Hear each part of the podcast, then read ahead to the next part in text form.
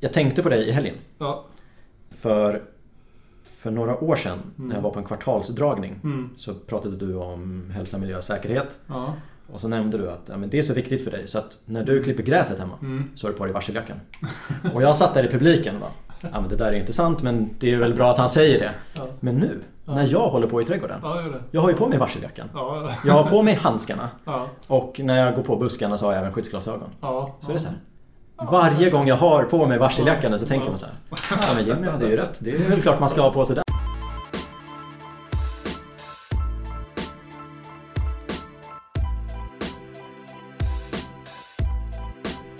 Många av er som lyssnar på den här podden känner till att jag har en bakgrund på Veidekke. Och att dagens gäst någon gång skulle vara med i poddserien har för mig varit en självklarhet. Min nästa gäst är VD och koncernchef för Veidekke. Den femte i ordningen sedan bolaget grundades 1936. Han har varit verksam i byggbranschen under hela sin karriär och i olika roller inom Veidekke sedan 2013. Först som VD för dotterbolaget Arcona, följt av rollen som VD för Veidekke i Sverige och sedan 2019 ansvarig för hela Veidekkes verksamhet i Skandinavien. Jag har alltid uppskattat våra pratstunder och jag är glad över att vi den här gången kan dela med oss av det vi pratade om. Låt mig presentera Jimmy Bengtsson.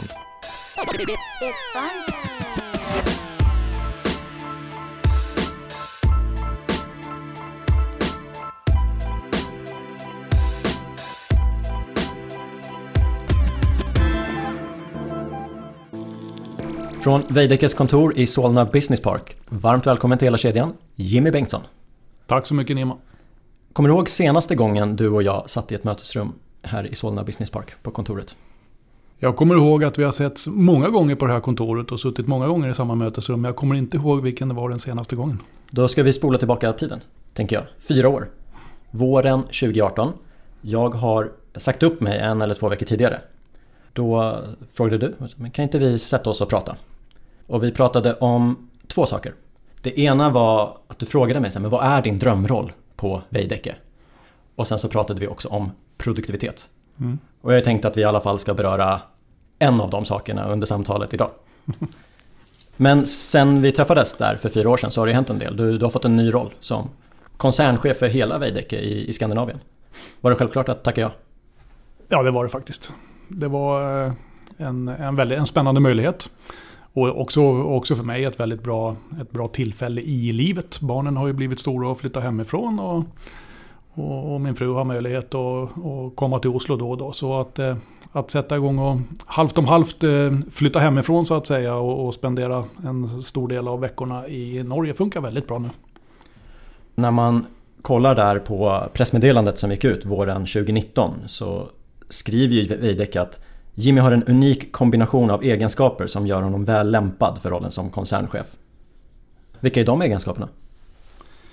Oj, nu vill man ju inte gärna recensera sig själv, eller hur? Men eh, eh, vad gäller egenskaper då, men jag kan, kanske kan prata lite om erfarenhet i det sammanhanget. Och eh, jag tror att eh, de som ville rekrytera en ny koncernchef till Veidekke såg positivt på min erfarenhet som, eh, som ingenjör och, och projektmänniska. För jag har ju jobbat större delen av mitt...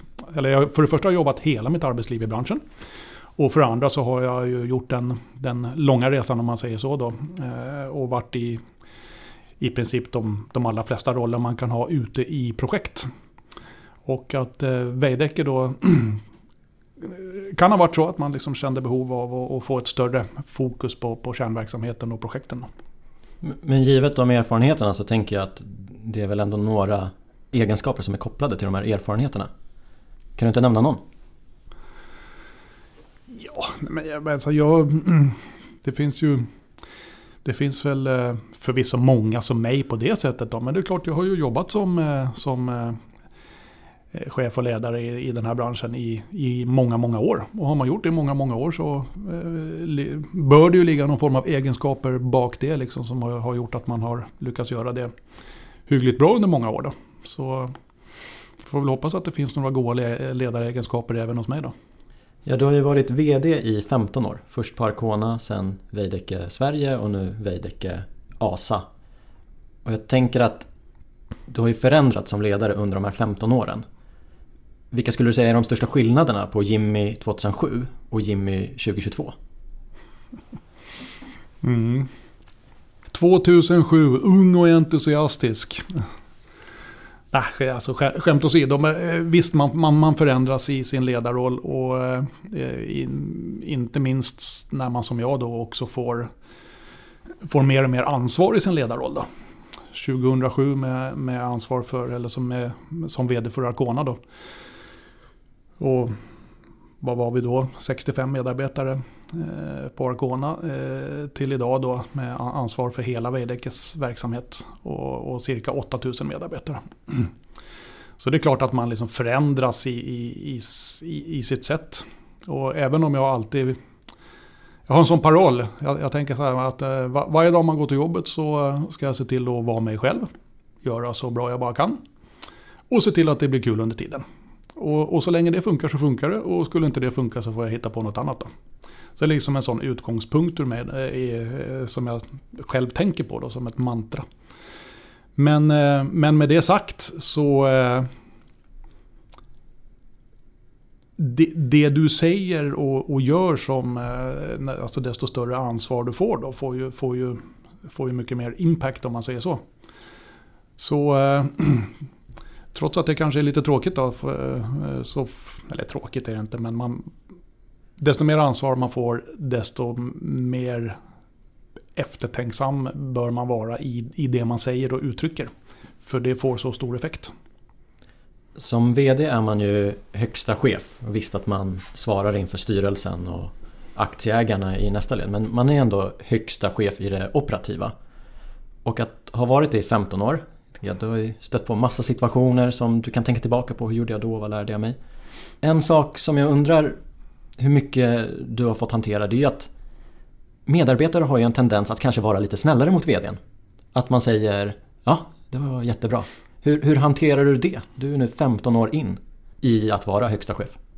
Ja, det är ju också en insikt som du får som, som chef och ledare och, och liksom allt starkare vartefter. Att du, du, du måste ju lyssna väldigt noga för att verkligen liksom få höra sanningen då.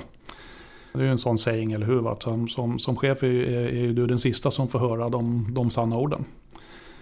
Så eh, där må man ju vara en eh, väldigt god lyssnare och ödmjuk person tänker jag. Om du, om du ska ge dig själv förutsättningarna att faktiskt få, få höra sanningen från dina medarbetare. Ja, jag kommer ju på åtminstone två delar. Det ena är att man inte vågar säga någonting. Och det andra är att man säger fel saker för att man tror att det är det du vill höra. Men har du några knep? Du, du, du ska vara en god lyssnare men vad, vad kan man göra mer som VD för att ta sig igenom det filtret?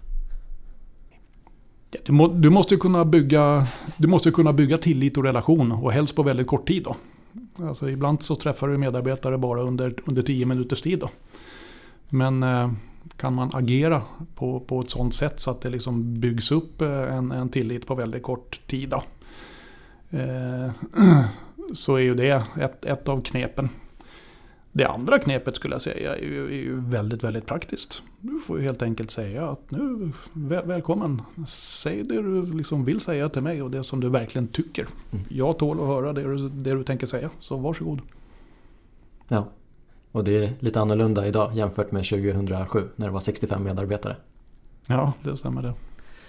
En annan eh, sak som stod i det här pressutskicket det var ju att genom ständiga resultatförbättringar inom de enheter han har lett har han visat att han har det som krävs för att kunna stärka Veidekkes position som en av Skandinaviens största och en av de ledande entreprenörerna och fastighetsutvecklarna. Och det är väl några saker jag tänker på där. Eh, dels det här med stärka position. Om Veidekke redan är en av Skandinaviens största entreprenörer och en av de ledande fastighetsutvecklarna. Hur, hur stärker man den positionen? Vad menas mer konkret? Att få, att få en stärkt position då, det betyder ju för mig att du får ett, ett bättre omdöme hos dina kunder. Du, du, får en större attraktivitet som, eh, som arbetsgivare, både hos de medarbetare du har och de nya som du vill skaffa dig. Eh, sen kan man ju förvisso då titta, titta vidare ut bland eh, intressentgrupperna. Eh, att du blir en, en attraktiv kund hos dina leverantörer. Att du har, får ett gott rykte i samfundet av att du är, ett, att du är en att du är ett företag och en verksamhet som eh, förutom att vill tjäna pengar också vill göra gott. Och, och det där, det där kan ju vara, eller det är ett ständigt arbete att stärka sin position. Där blir du ju aldrig färdig. Även om du tycker att du är en, en ledande aktör i Skandinavien. Då.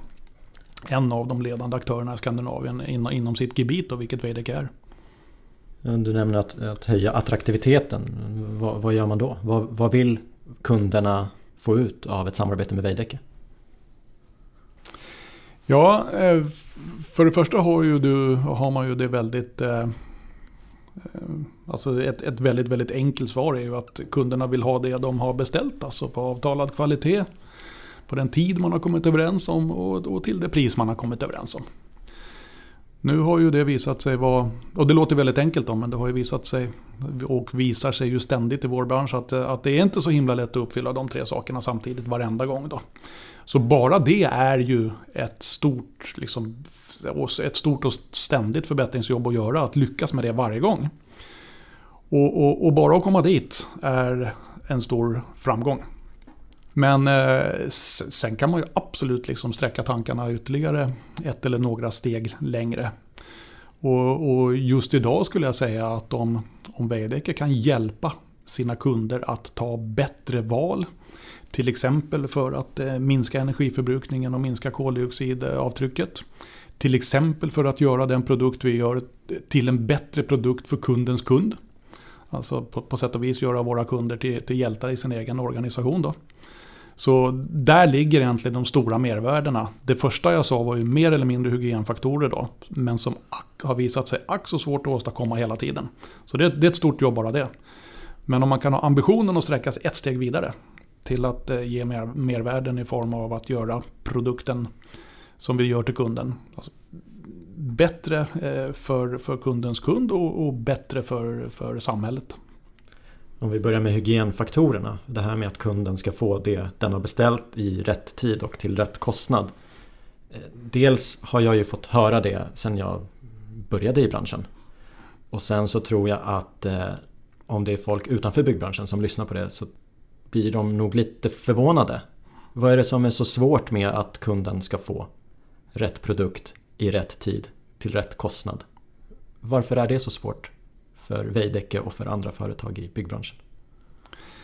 Därför att den produkt vi, vi bygger alltid eh, så gott som alltid förändrar sig under tiden vi har satt igång och, och, och ser på ritningarna för vad vi ska bygga tills dess att vi är färdiga. Till skillnad från när du går och köper en eh, tub med tandkräm i affären eller om du åker och köper en ny bil. Då då är det det du ser, det är det, är det du får. I våran bransch så, så har vi ju en i princip alltid en process av att eh, utveckla och utforma och definiera produkten i, under tiden vi gör projektet tillsammans med kunden. Då. Och det är ju det som är, det, det är, det som är alltså, höll på att säga, både spännande och svårt.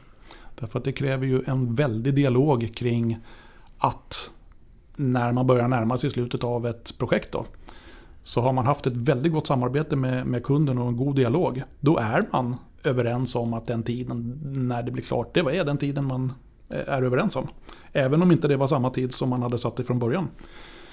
Och, och samma sak vad gäller produktutformning och, eh, och, och, och, pris. Då. Leveranstiden för bilar, den, den är ju nu och, och snuddar på ett år och kanske till och med över ett år. Så på så sätt så just nu så närmar sig bilindustrin byggindustrin. Och jag tror ju inte att det medför att du kan förändra dina val när du har beställt din bil. Kanske lite grann, men jag, jag tror inte att det är så överdrivet. Här i bygg så säger du så här, nej men det, det blir alltid förändringar. Vad tror du? Ska byggbranschen lära sig att hantera de här förändringarna och komma överens med kunden om nya tider? Eller behöver vi bli hårdare med att, nej, du beställde det här. Det är det du får. Ja, eh, jag, jag, tror ju att, eh, som jag sa då, den här, en, en, god dialog med kunden under processen är ju helt avgörande för att vara överens, inte bara när man skriver kontraktet, utan också vara överens när man har gått i mål. Men eh, eh, branschen har ju, eh, alltså samarbetsformerna, eller man, man kanske kan säga liksom kontraktsformerna, har ju faktiskt förändrats till det bättre och, och jag tycker också att de i stort också är på väg att fortsätta förändras till det bättre. Och då menar jag, det finns ju allt, man kan ju kalla det för samarbetsentreprenader eller det kan heta partnering eller samspel som man säger i Norge då. Ibland så brukar man säga att man gör projekten i fas 1 och fas 2 har ju också blivit eh, populära begrepp. Men de där, eh, och när jag menar på att det har skett en förändring så, så tycker jag att om man då kan ju ha den här goda dialogen och det här goda samarbetet i en fas 1.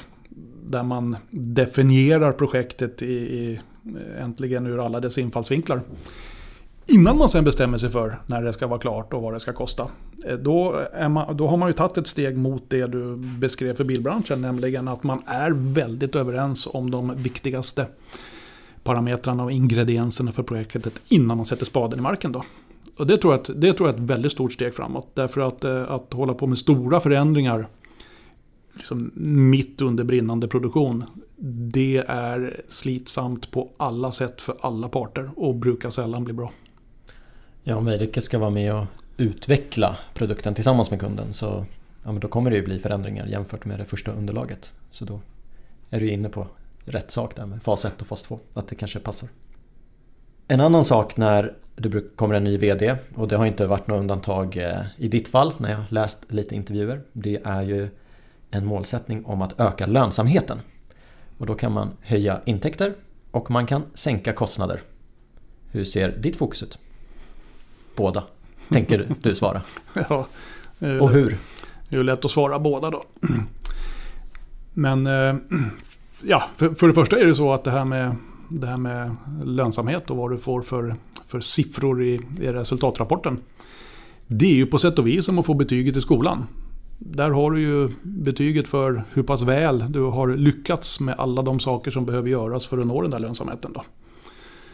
Och, och det kan ju, alltså det, och det handlar ju om det handlar ju om allt höll jag på att säga. Du måste vara effektiv i det du gör och du måste se till att få betalt för det du har rätt att få betalt för. Och du måste ha en, eh, en kostnadsnivå i din verksamhet som är konkurrenskraftig i den, i den bransch och i det segment du verkar i. Då. Så här får du, här får du liksom spela på, på alla strängarna för att åstadkomma det. Men det känns ju som en återkommande sak eh, när det kommer en ny VD eller när man lägger en ny strategi. Att ah, men nu måste vi få koll på kostnadsnivåerna. Du har ju varit VD nu i 15 år. Liksom, vad är det som gör att kostnaderna går upp och sen måste ner? Vad hänger det ihop med? Det, jag tror inte att det bara är att man har tappat kontroll utan det borde vara fler faktorer att vi hamnar där med jämna mellanrum. Du tänker att man med jämna mellanrum hamnar i ett läge där man tycker att kostnaderna är för höga? Ja, och sen är det en ny strategi att nej, nu behöver vi se över våra kostnader och, och kapa lite där. Mm. Ja, det finns ju, finns ju olika typer av kostnader då. Ibland är det det man kallar för liksom företagets eh, overhead då. Alltså kostnader över projekt. Sen har du ju förvisso eh, alla kostnader för de inköp du gör till projekten också. Då. Men om man håller sig till, till overheaden först så att de ibland blir höga eh, kan ju vara ett utslag av eh, att man har haft eh, högt ställda ambitioner inom några områden och att man successivt har, har byggt på sig för att, för att öka kvaliteten inom de områdena. Då. Och det liksom för att nå en, nå en utveckling. Och så händer det nog, både för Veidekke och andra, att man ser efter några år att oj då, nu har vi varit lite... Nu vart kostnaderna lite högre än vad vi hade tänkt oss då.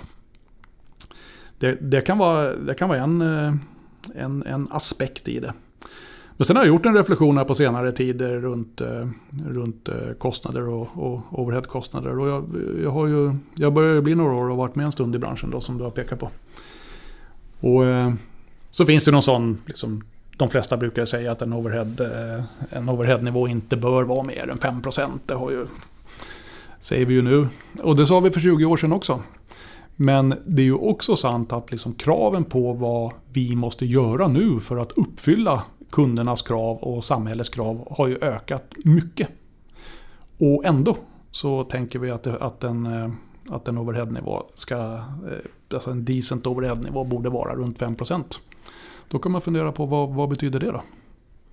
Hur ska vi lyckas göra det när det är många mer saker som vi måste sköta på ett mycket mer strukturerat sätt idag än vad vi behövde för 20 år sedan?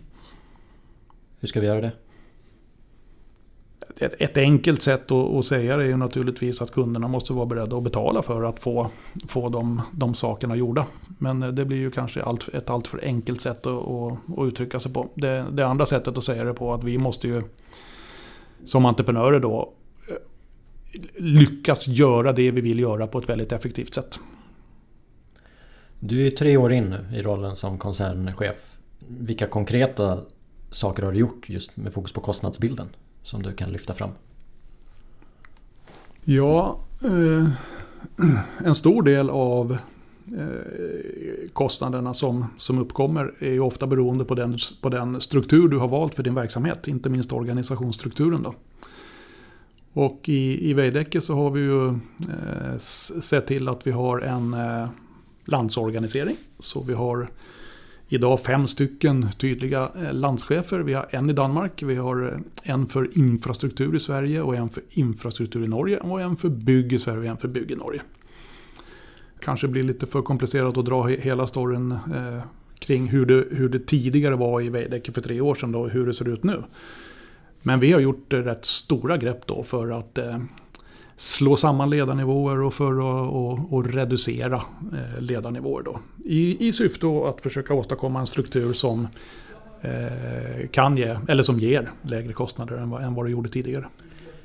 En faktor är ju tid. Från att man gör en förändring till när man ska utvärdera den. För jag tänker att om man gör om lite. Initialt så kan det bli lite rörigt. Det kan vara lite ökade kostnader. Vad har ni för tidsram då på de här förändringarna? När, när ska de utvärderas? Och jag vet att svaret är löpande men jag tänker att det finns väl en plan att inom ett visst antal år så ska det synas här. Ja, från det att du gör en sån strukturförändring så tar det ju det tar ju minst två år innan du kan eh, utvärdera den verkliga effekten av den. Du kan säkert få lite indikationer efter ett år men vanligtvis så tar det två eller kanske tre år innan du eh, ser den, den reella skillnaden. Mm. Då ses vi igen då, två år. Kapa kostnader är en del. Sen kan man ju öka intäkter. Och du nämnde att eh, Veidekke ska få kunder att betala för det mervärde som Veidekke tillför. De sakerna som du nämnde, de tycker jag så här, de är ju inom den ordinarie kärnverksamheten. Sen finns det ju kanske nya tjänster som finns idag men som vi kanske inte tänker på. Det kanske är företagshemligheter men vad, vad ser du framåt? Vad, vad kan Veidekke engagera sig inom som Veidekke inte är med om idag? För, först vill jag ge en replik på det att kunderna borde, betala för det mervärde Veidekke tillför SAR. Min kommentar där tidigare var egentligen runt, runt branschen nu och branschen för 20 år sedan. Nämligen att kraven på det man måste sköta idag eh, är mycket större än vad det var för 20 år sedan. Eh, vilket i sig innebär ökade administrationskostnader. Och så länge inte branschen ska få minskad lönsamhet på grund av det då. Så måste det där skötas, alltså det där måste kunna skötas på två sätt. Då, då har du egentligen som du sa tidigare intäkter och kostnader. Alltså antingen måste kunderna vara beredda att betala för att få det gjort. Och tycka att det är värt det. Eh, och, och vi, vi som leverantörer eller entreprenörer de måste, se, måste ju se till att kunna göra allt det där på ett allt effektivare sätt. Så bara det som replik. Men sen både med spana lite in, in i framtiden. Så, men ta den frågan igen. Vad, vad, eh, ta frågan, vad var det du sa? Att... Veidekke idag är ju ett byggföretag. Mm. Eh, men det finns ju dels saker inom samhällsbyggnadsbranschen som Veidekke inte håller på med idag. Sen finns det ju säkert kringtjänster som vi inte tänker på idag. Liksom, vad, vad ser du att Veidekke håller på med? Inom några år kan vi göra för att avgränsa det. Mm. Du får svara exakt samma som vi gör idag. jo, den ena är ju faktiskt, en, faktum är ju att en, en stor del av, alltså jag, jag, jag, tror att i väldigt hög grad så inom några år så kommer Veidekke syssla med, med samma saker som vi gör idag då. Men det vi, det vi framförallt eh, söker efter nu, och det är väl ingen överraskning för någon och säkert flera som, som tänker så, men att eh, Bygg och anläggningsbranschen då, brukar man säga som liksom en stor del av klimatproblemet, eller hur? Och därmed också en stor del av lösningen. Och jag menar ju att våran, och här är vi tillbaka till att liksom kunna hjälpa kunderna att göra deras projekt bättre då, inte minst inom den frågan. Så det vi tänker mycket på det är ju liksom hur ska vi på Veidekke, vi som Veidekke, kunna utveckla den kompetens vi behöver för att kunna hjälpa alla våra kunder att göra sina projekt bättre. För att bli en del av, av lösningen på de problemen vi står i idag. Det tror jag kanske är den största ändringen och här finns det ju många, många saker att, att, att ge sig på. Alltså allt ifrån att lyckas göra slankare konstruktioner till att använda återbrukat både, både stål och, och betong. Eller, eller för all del eh, eh, biobaserad bitumen till asfalt. Alltså det, det är en, en enorm flora av av tilltag man kan göra här. Men vart och ett av dem kräver ju eh, både kompetens och ett visst mått av utveckling då för att lyckas. Och vi kan inte göra det helt själva, vi måste göra det ihop med samarbetspartners. Så det är nog det som ligger mest i korten faktiskt för Veidekke om du tittar då bara, bara några år framåt. Hur vi ska bli bättre inom de områdena. Om vi återigen tar oss tillbaka till våren 2019. Då sa, sa du så här i samband med att du fick nya jobbet att Veidekke har allt som krävs för att kunna dra fördel av en utmanande situation och återkomma starkare och mer konkurrenskraftiga. Och jag vet inte om du kunde se fram i tiden, för du pratar om en utmanande situation. Och pandemin startade ju ett år senare. Eller vad var det för utmanande situation som du tänkte på där? Oj, nu ställer du frågor runt och ska jag minnas vad jag sa för flera år sedan. Men eh, vet du vad, vid den tidpunkten så tror jag att jag menade, det bör ha varit så, att Veidekke hade ju eh, stora nedskrivningar inom anläggningsverksamheten i Norge i 2018. Alltså betydande på ett sätt som, som aldrig hade hänt Veidekke tidigare. Eh, vi hade också en del nedskrivningar i den svenska verksamheten i, i, eh, i 2019. Så det här med att vi, vi var liksom i en... Vi var i en situation där varken vi själva eller vår styrelse eller våra aktieägare var, var särskilt nöjd med, med Veidekkes prestationer. Alltså var vi i en utmanande, i en utmanande situation då.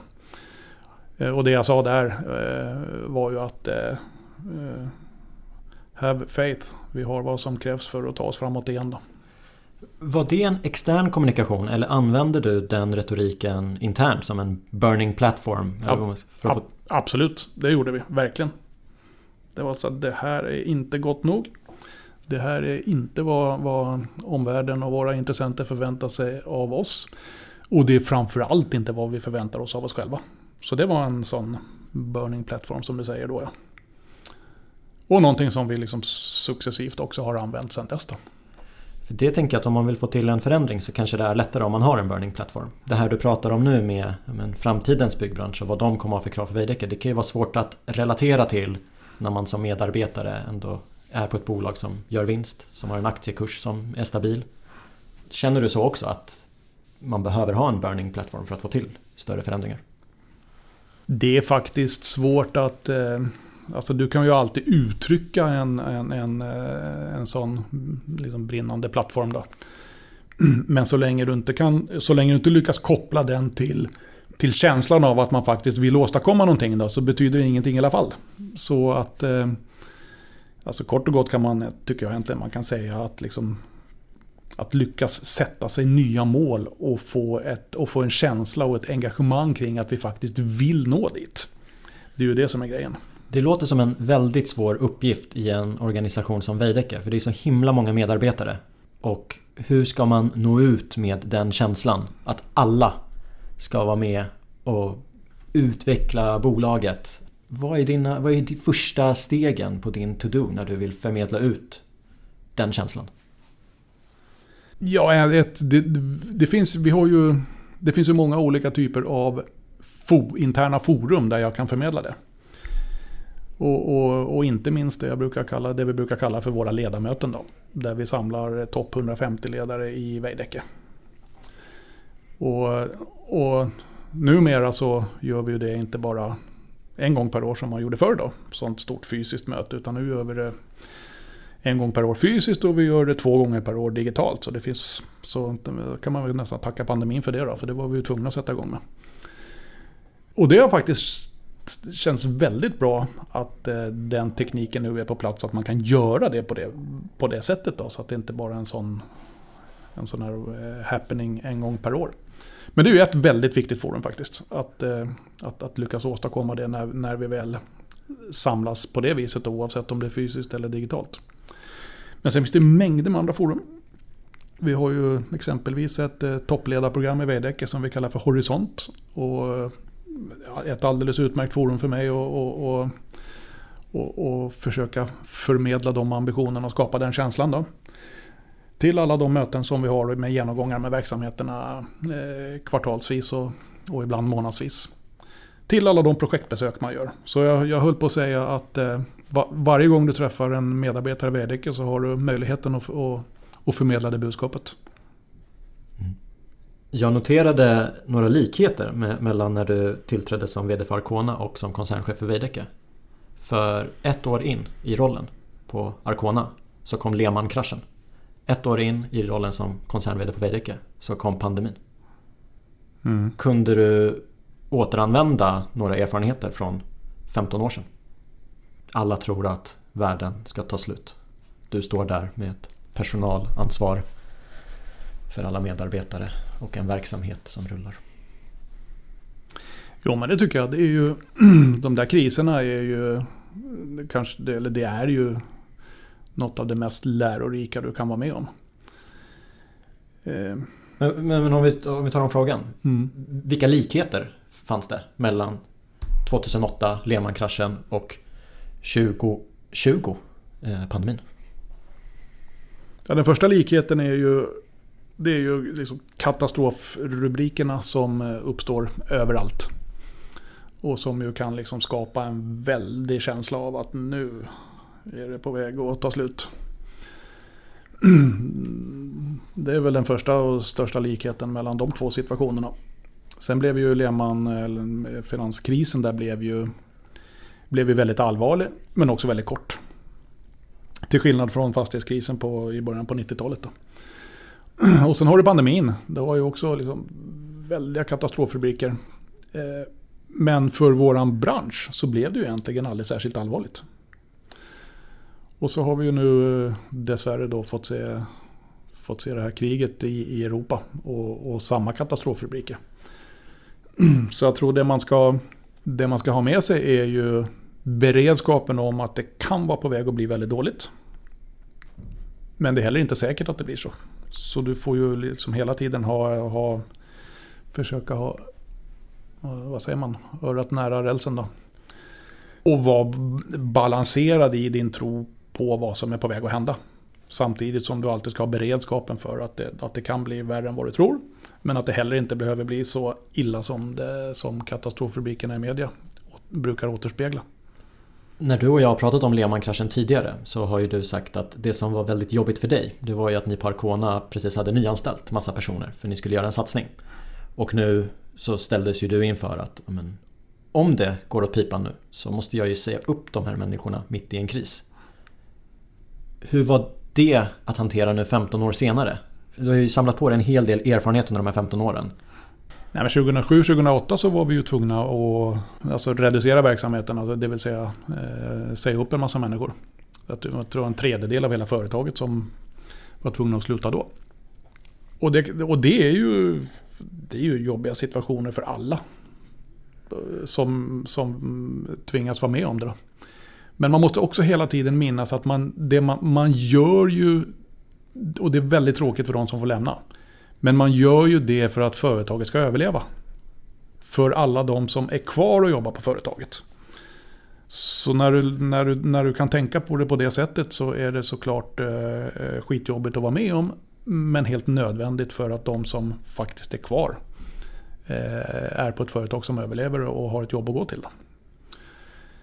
Sen blev ju inte, som jag sa då, den här, den här eh, eh, pandemin blev ju aldrig särskilt allvarlig för vår bransch. Och där hamnade vi faktiskt aldrig i den situationen. Utan där handlade det mer om att, att, att motivera alla till att hålla igång. Liksom. Vad kan vi nu göra för att se till att projekten kan löpa på? Så att vi kan leverera till eh, våra kunder. Trots att det är liksom en väldigt utmanande situation. Både med våra egna medarbetare och alla de restriktioner kring, eh, kring eh, att hindra smitta. Eh, eh, fanns där då. Problem med del leveranser. Utländsk personal och utländska underentreprenörer som hade svårt att, att ta sig in i, i framförallt Norge. Då. Men där var det mera så här, alltså här, där var det många praktiska åtgärder och mycket liksom motivation kring att det här kommer vi klara av och vi ska minsann se till att, och hålla hjulen igång då. Och vilket lyckades. Ja precis, för att jag noterar ju att eh, ni har många projekt igång. Ni har en stabil orderingång. Resultatet var ju väldigt bra i senaste rapporten. Du har sagt att ni ska fortsätta öka lönsamheten men inte växa. Varför inte växa? Nej, jag tror inte vi har sagt att vi inte ska växa. Jag tror att vi har sagt att vi ska prioritera och fortsätta förbättra marginerna som man säger på norska. Du får prata eller, med den journalisten för det står men inte tillväxt. Ja, ja okej. Okay.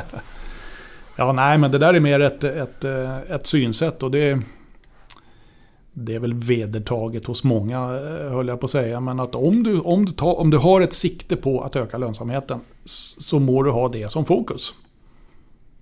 Och då kan du inte ha samtidigt ha fokus på att växa. Sen gör det ju ingenting om det växer samtidigt så länge du har fokus på, på det första. Då. Men eh, Ja, så du, du kommenterade, du sa att vi har väldigt bra resultat. Det, det tycker jag personligen är en överdrift. Därför att i, i våra egna ambitioner så menar vi ju att vi under de senaste par, tre åren har haft en bra förbättring. Men vi har ju fortfarande en lång väg att gå eh, innan vi tycker att vi har den lönsamhet som ett, eh, ett duktigt företag i den här branschen eh, borde ha. Och som vi ser att många interna enheter i Veidekke har och som vi också kan se hos en del externa exempel då också har.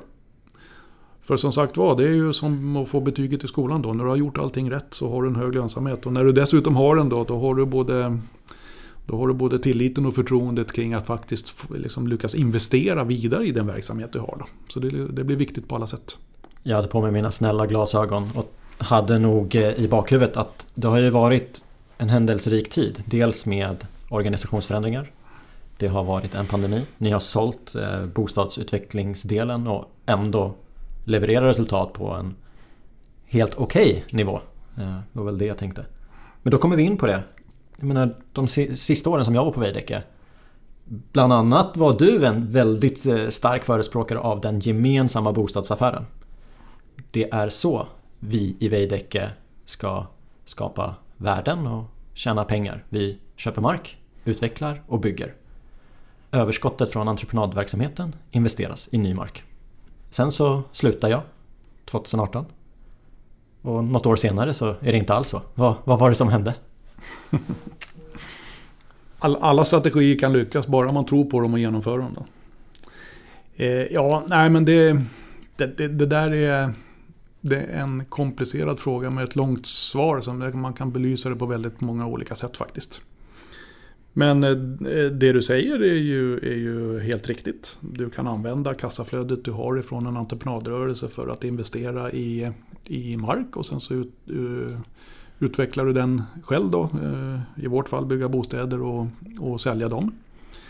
Eh, det är en eh, fin affär. Så finns det komplikationer med det. Det ena är ju att du, att du inte blir Alltså om, och nu kan man ju titta på till exempel på eller titta på, på värdet av Veidekke eller aktiekursen. Då. Du får inte ut det fulla värdet av på aktiekursen eh, i det vanligtvis, även om du får ut eh, mycket pengar av det. Eh, det, är, det, är liksom en, det där är, en balanspunkt. Så för att synliggöra och få ut de värdena så kan man göra som vi gjorde, nämligen sälja av den. Då. Och vilket ju visade sig vara helt sant. Vi, vi fick ut värden av den och nu är vi ju så gott som tillbaka på samma intjäningsnivåer igen då. Med en betydligt högre multipel alltså har vi ökat värdet på Veidekke och samtidigt fått ut eh, värdet, av, värdet vi fick ut av, av att sälja. Så det är ett sätt att se på det. Ett annat sätt att se på det är faktiskt att eh, vid en viss eh, tidpunkt så, så eh, blir den här affären, i vårt fall då den, den affären vi hade, den blir så stor. Det blir en så stor del av Veidekke så att eh, liksom, identiteten, då börjar man undra, är vi, en, är vi en entreprenör eller är vi en bostadsutvecklare? En sån reflektion i efterhand är att när man börjar komma till den punkten så eh, är det dags att, är det dags att bestämma sig. Ska vi vara en entreprenör eller ska vi vara en bostadsutvecklare? Och vi valde att vara entreprenör och så sålde vi bostadsutvecklingen då. Och eh, en, en, reflektion av att ha gjort det är ju, alltså, hur det än är så skapar det liksom allt ifrån styrelserummet till koncernledningen till alla andra ledningsforum och hela organisationen. Då har du ett fokus helt plötsligt, inte två. Så det, det gör något med, med, med, med sättet att leda och verksamheten och det fokus du kan ha då. Dygnet har ju bara 24 timmar som bekant.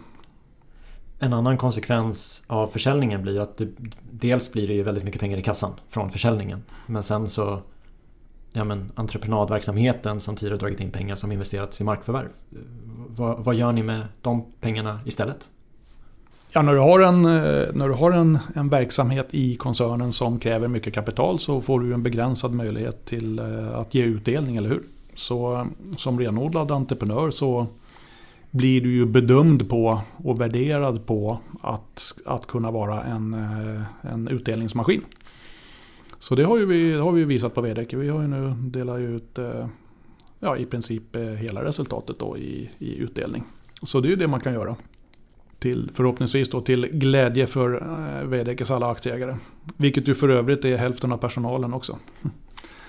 Så det är kort och gott liksom olika affärsmodeller. Så, eh, och det var, kan väl också vara ett skäl att titta på varför man ska bli renodlad då. Att det ibland det är ju två olika logiker kapitalmässigt att vara en fastighetsutvecklare och att vara en entreprenör. Och ibland inte helt lätt att, att kunna kombinera dem. Det finns väl lite två skolor i det där. Det ena är som du säger, att dela ut pengarna till aktieägarna så blir de glada.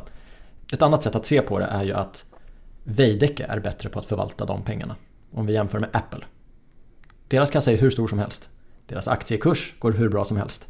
Det är inte på grund av utdelningarna. Nej, så kan man säga. Men eh, sen är det ju också så att eh, ett, ett, företag som Apple då, de har skaffat sig de aktieägare de har baserat på den affärsmodell de har. Vi på Veidekke, vi har de aktieägare vi har eh, med de förväntningar som de har. Så för våran del är det viktigt att eh, ha en hög utdelningsgrad. Och så med därmed inte sagt att, att den gången det dyker upp och vi vill göra en stor investering där vi kan visa på att den investeringen kommer ge väldigt god avkastning. Det vill säga att låta de pengarna stanna och bli investerade i Veidekke. Så är ju inte det heller någon omöjlighet. Då. Men, men i, i stort så har du skaffat dig det, det ägarkollektiv du har. Då. Och, och, och som förväntar sig att du ska ha en affärsmodell. Sen kan man ju försöka kommunicera att man ska ändra den då. Det kan man göra, men det är en annan övning. När du blev Sverige-VD så eh, upplevde jag att i profileringen av dig så var det tre ord. Det var involvering, innovation och hållbarhet. Och det här var 2016.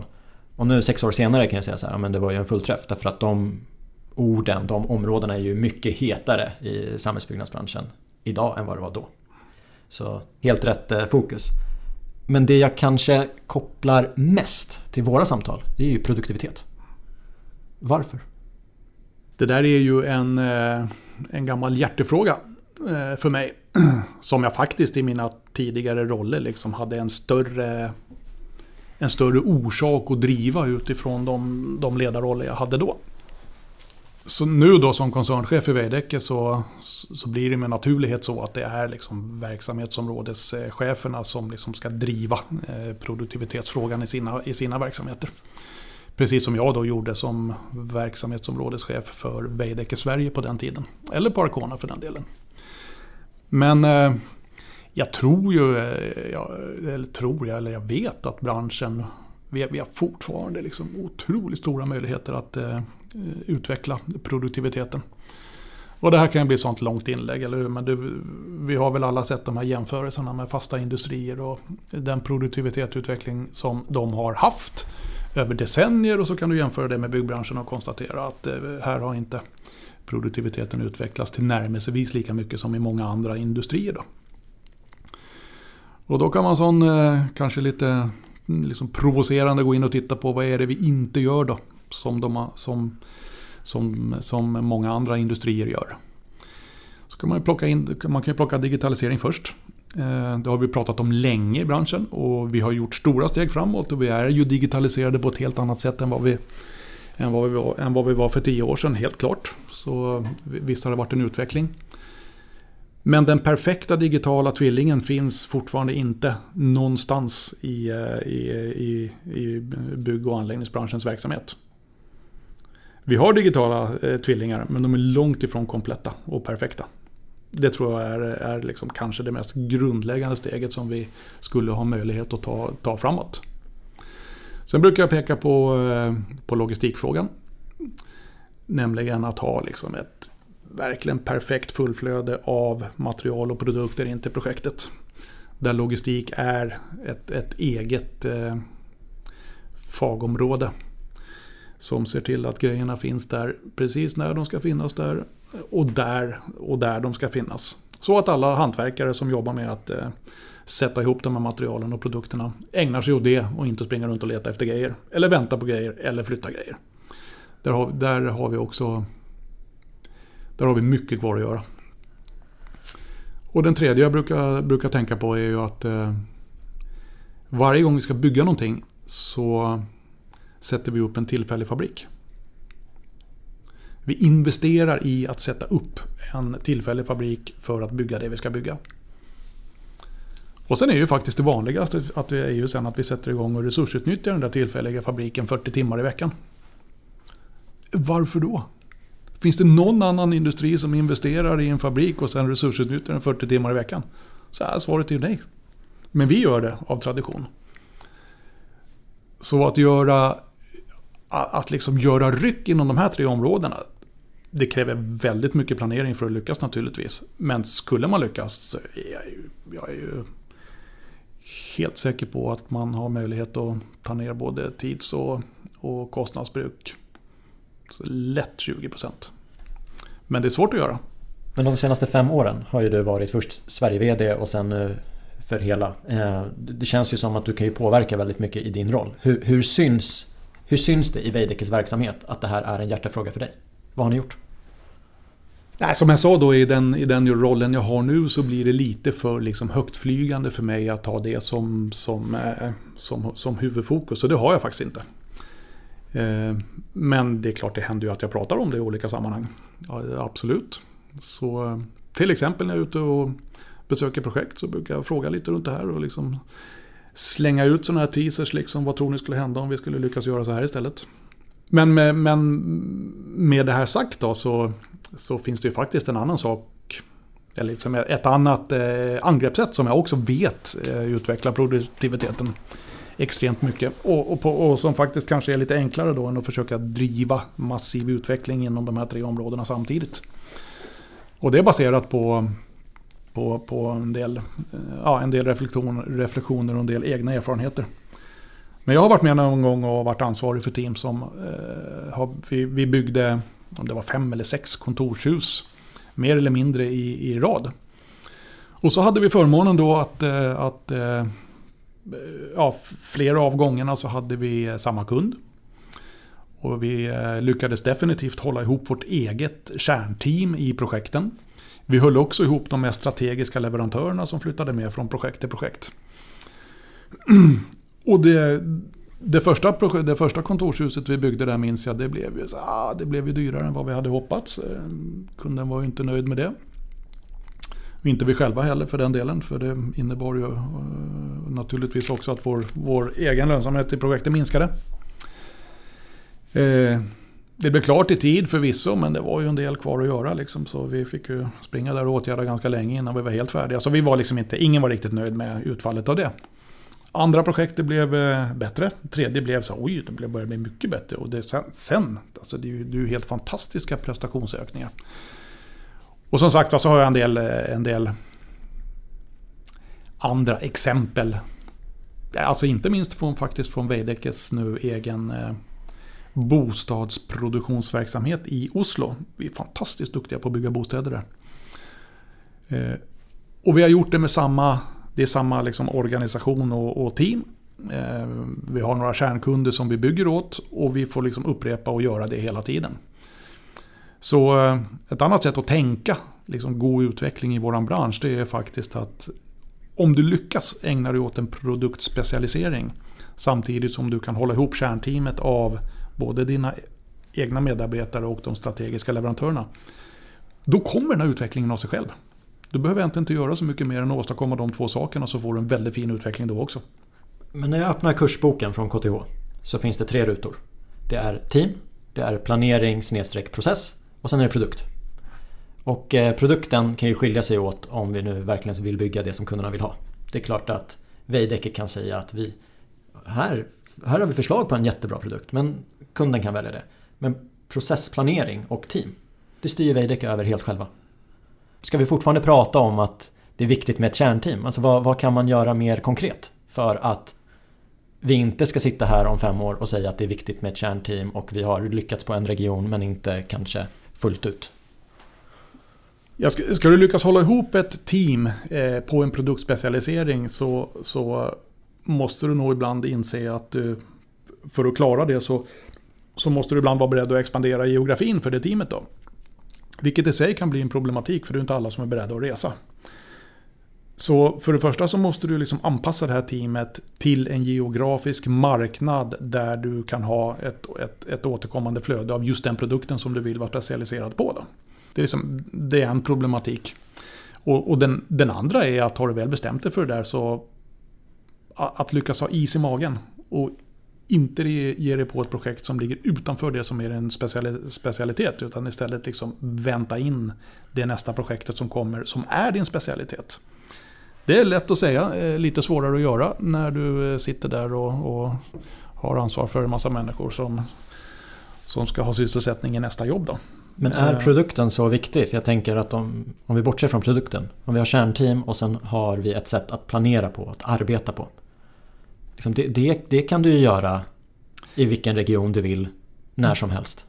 Absolut. Du lyckas bra då också. Det jag ville peka på att när du lyckas göra det i kombination med en produktspecialisering så blir det ännu mycket bättre. Det var, var egentligen det jag sa. Ja, mm. ja men det, det håller jag med om. Jag blir bara så förvånad och det är inte bara kopplat till Veidekke utan de flesta byggföretag. Eh, visst, byggföretagen bygger komplexa projekt. Det säger jag ingenting emot. Och kraven förändras för varje år och det är nya saker.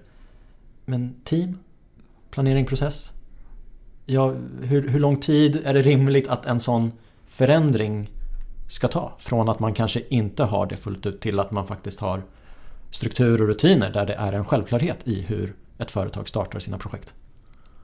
Ja, precis som, precis som produkterna kan vara annorlunda och det är viktigt att ägna sig åt en produktspecialisering som jag sa. Då. Så eh, har du faktiskt samma jämförelse här där det också blir viktigt att ägna dig åt en processspecialisering. Men då har du ju eh, alltså uppdragsformer, kontraktsformer, ersättningsformer, entreprenadformer som, som ju också kan variera ganska ordentligt. Så ska du, bli Ska du åstadkomma de vinsterna där som, som du pekar på Nima så är det högst, eller det är sannolikt så också att du måste liksom koncentrera dig på vilken typ av eh, entreprenadform och ersättningsform, liksom uppdragsform som, som du ska vara bäst på. Och här ser vi ju här ser vi också goda exempel på, på många håll. Då, icke minst eh, eh, några fina exempel inom Veidekke. Där man har bestämt sig för att nej men vi, vi jobbar bara åt eh, kunder som delar våra värderingar. Och vi jobbar bara åt kunder som vill jobba i en fas 1 och en fas 2. På det här strukturerade sättet som vi har i vår egen processbeskrivning.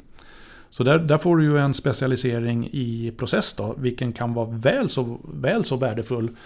Eh, men återigen, lyckas du kombinera den också med en produktspecialisering så blir det ännu bättre.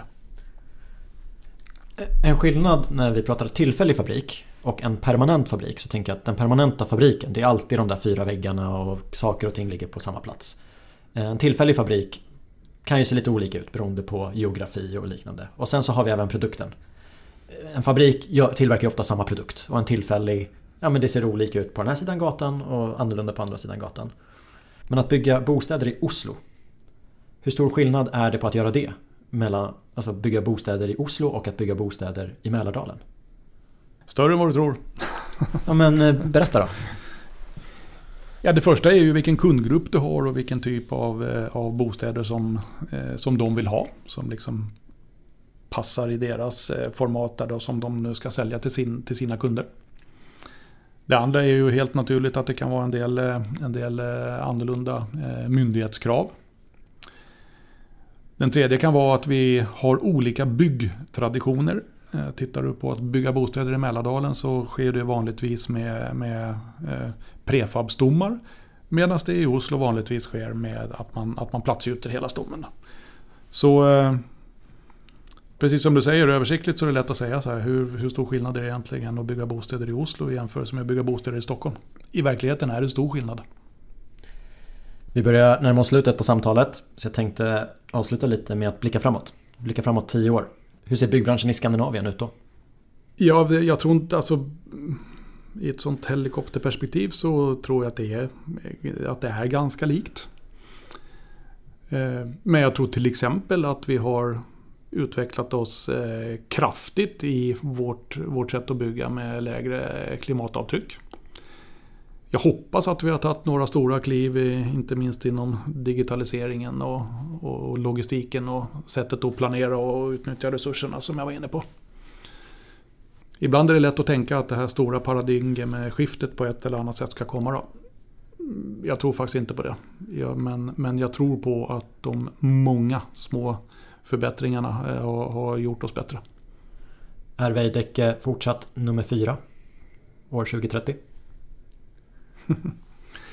det vet jag inte. Det har jag inte ens någon uppfattning eller, eller något mål om vi, alltså det är bet, eh, hellre, hellre bäst än störst brukar jag säga. Men, eh, men eh, det är klart, vi har ju, i, inte minst i Sverige, har vi ju stora växtmöjligheter. Så de ska vi ju de ska vi naturligtvis försöka fånga. När du och jag träffas år 2030 och så pratar vi om din största hjärtefråga under 20-talet. Är det någonting som du vet vad det är idag? Eller tror du att det är någonting som du inte tänker på? Nej, jag tror att det här, eh, här får man ju liksom tänka på vid vilka situationer som man får en liksom väldigt god känsla i maggropen. Och man kanske får lite sån eh, ståpäls som Gunde brukar säga. Eller nackhåren reser sig. Och för mig är ju det när jag liksom är tillsammans med människor där vi litar på varandra och där vi liksom jobbar gott som, gott som lag. Och liksom känner att vi, att vi successivt liksom blir bättre och bättre. Det är de gånger som jag eh, all, alla gånger som jag har, har eh, alla gånger jag har, har liksom känt på det viset under mina, alla mina år nu i, i arbetslivet i byggbranschen. Så har det varit i de situationerna. Så att eh, det är kort och gott min, min, min hjärtefråga på det viset. Det är att eh, lyckas åstadkomma en situation där, där alla människor som jobbar tillsammans liksom verkligen trivs och litar på varandra och jobbar som ett team. Då är det ju på rätt företag. Det står ju involvering på de flesta väggar här här inne. Ja, spännande. Tack för att jag var välkommen tillbaka till Solna Business Park efter fyra år i exil. Tack själv Nima och välkommen igen.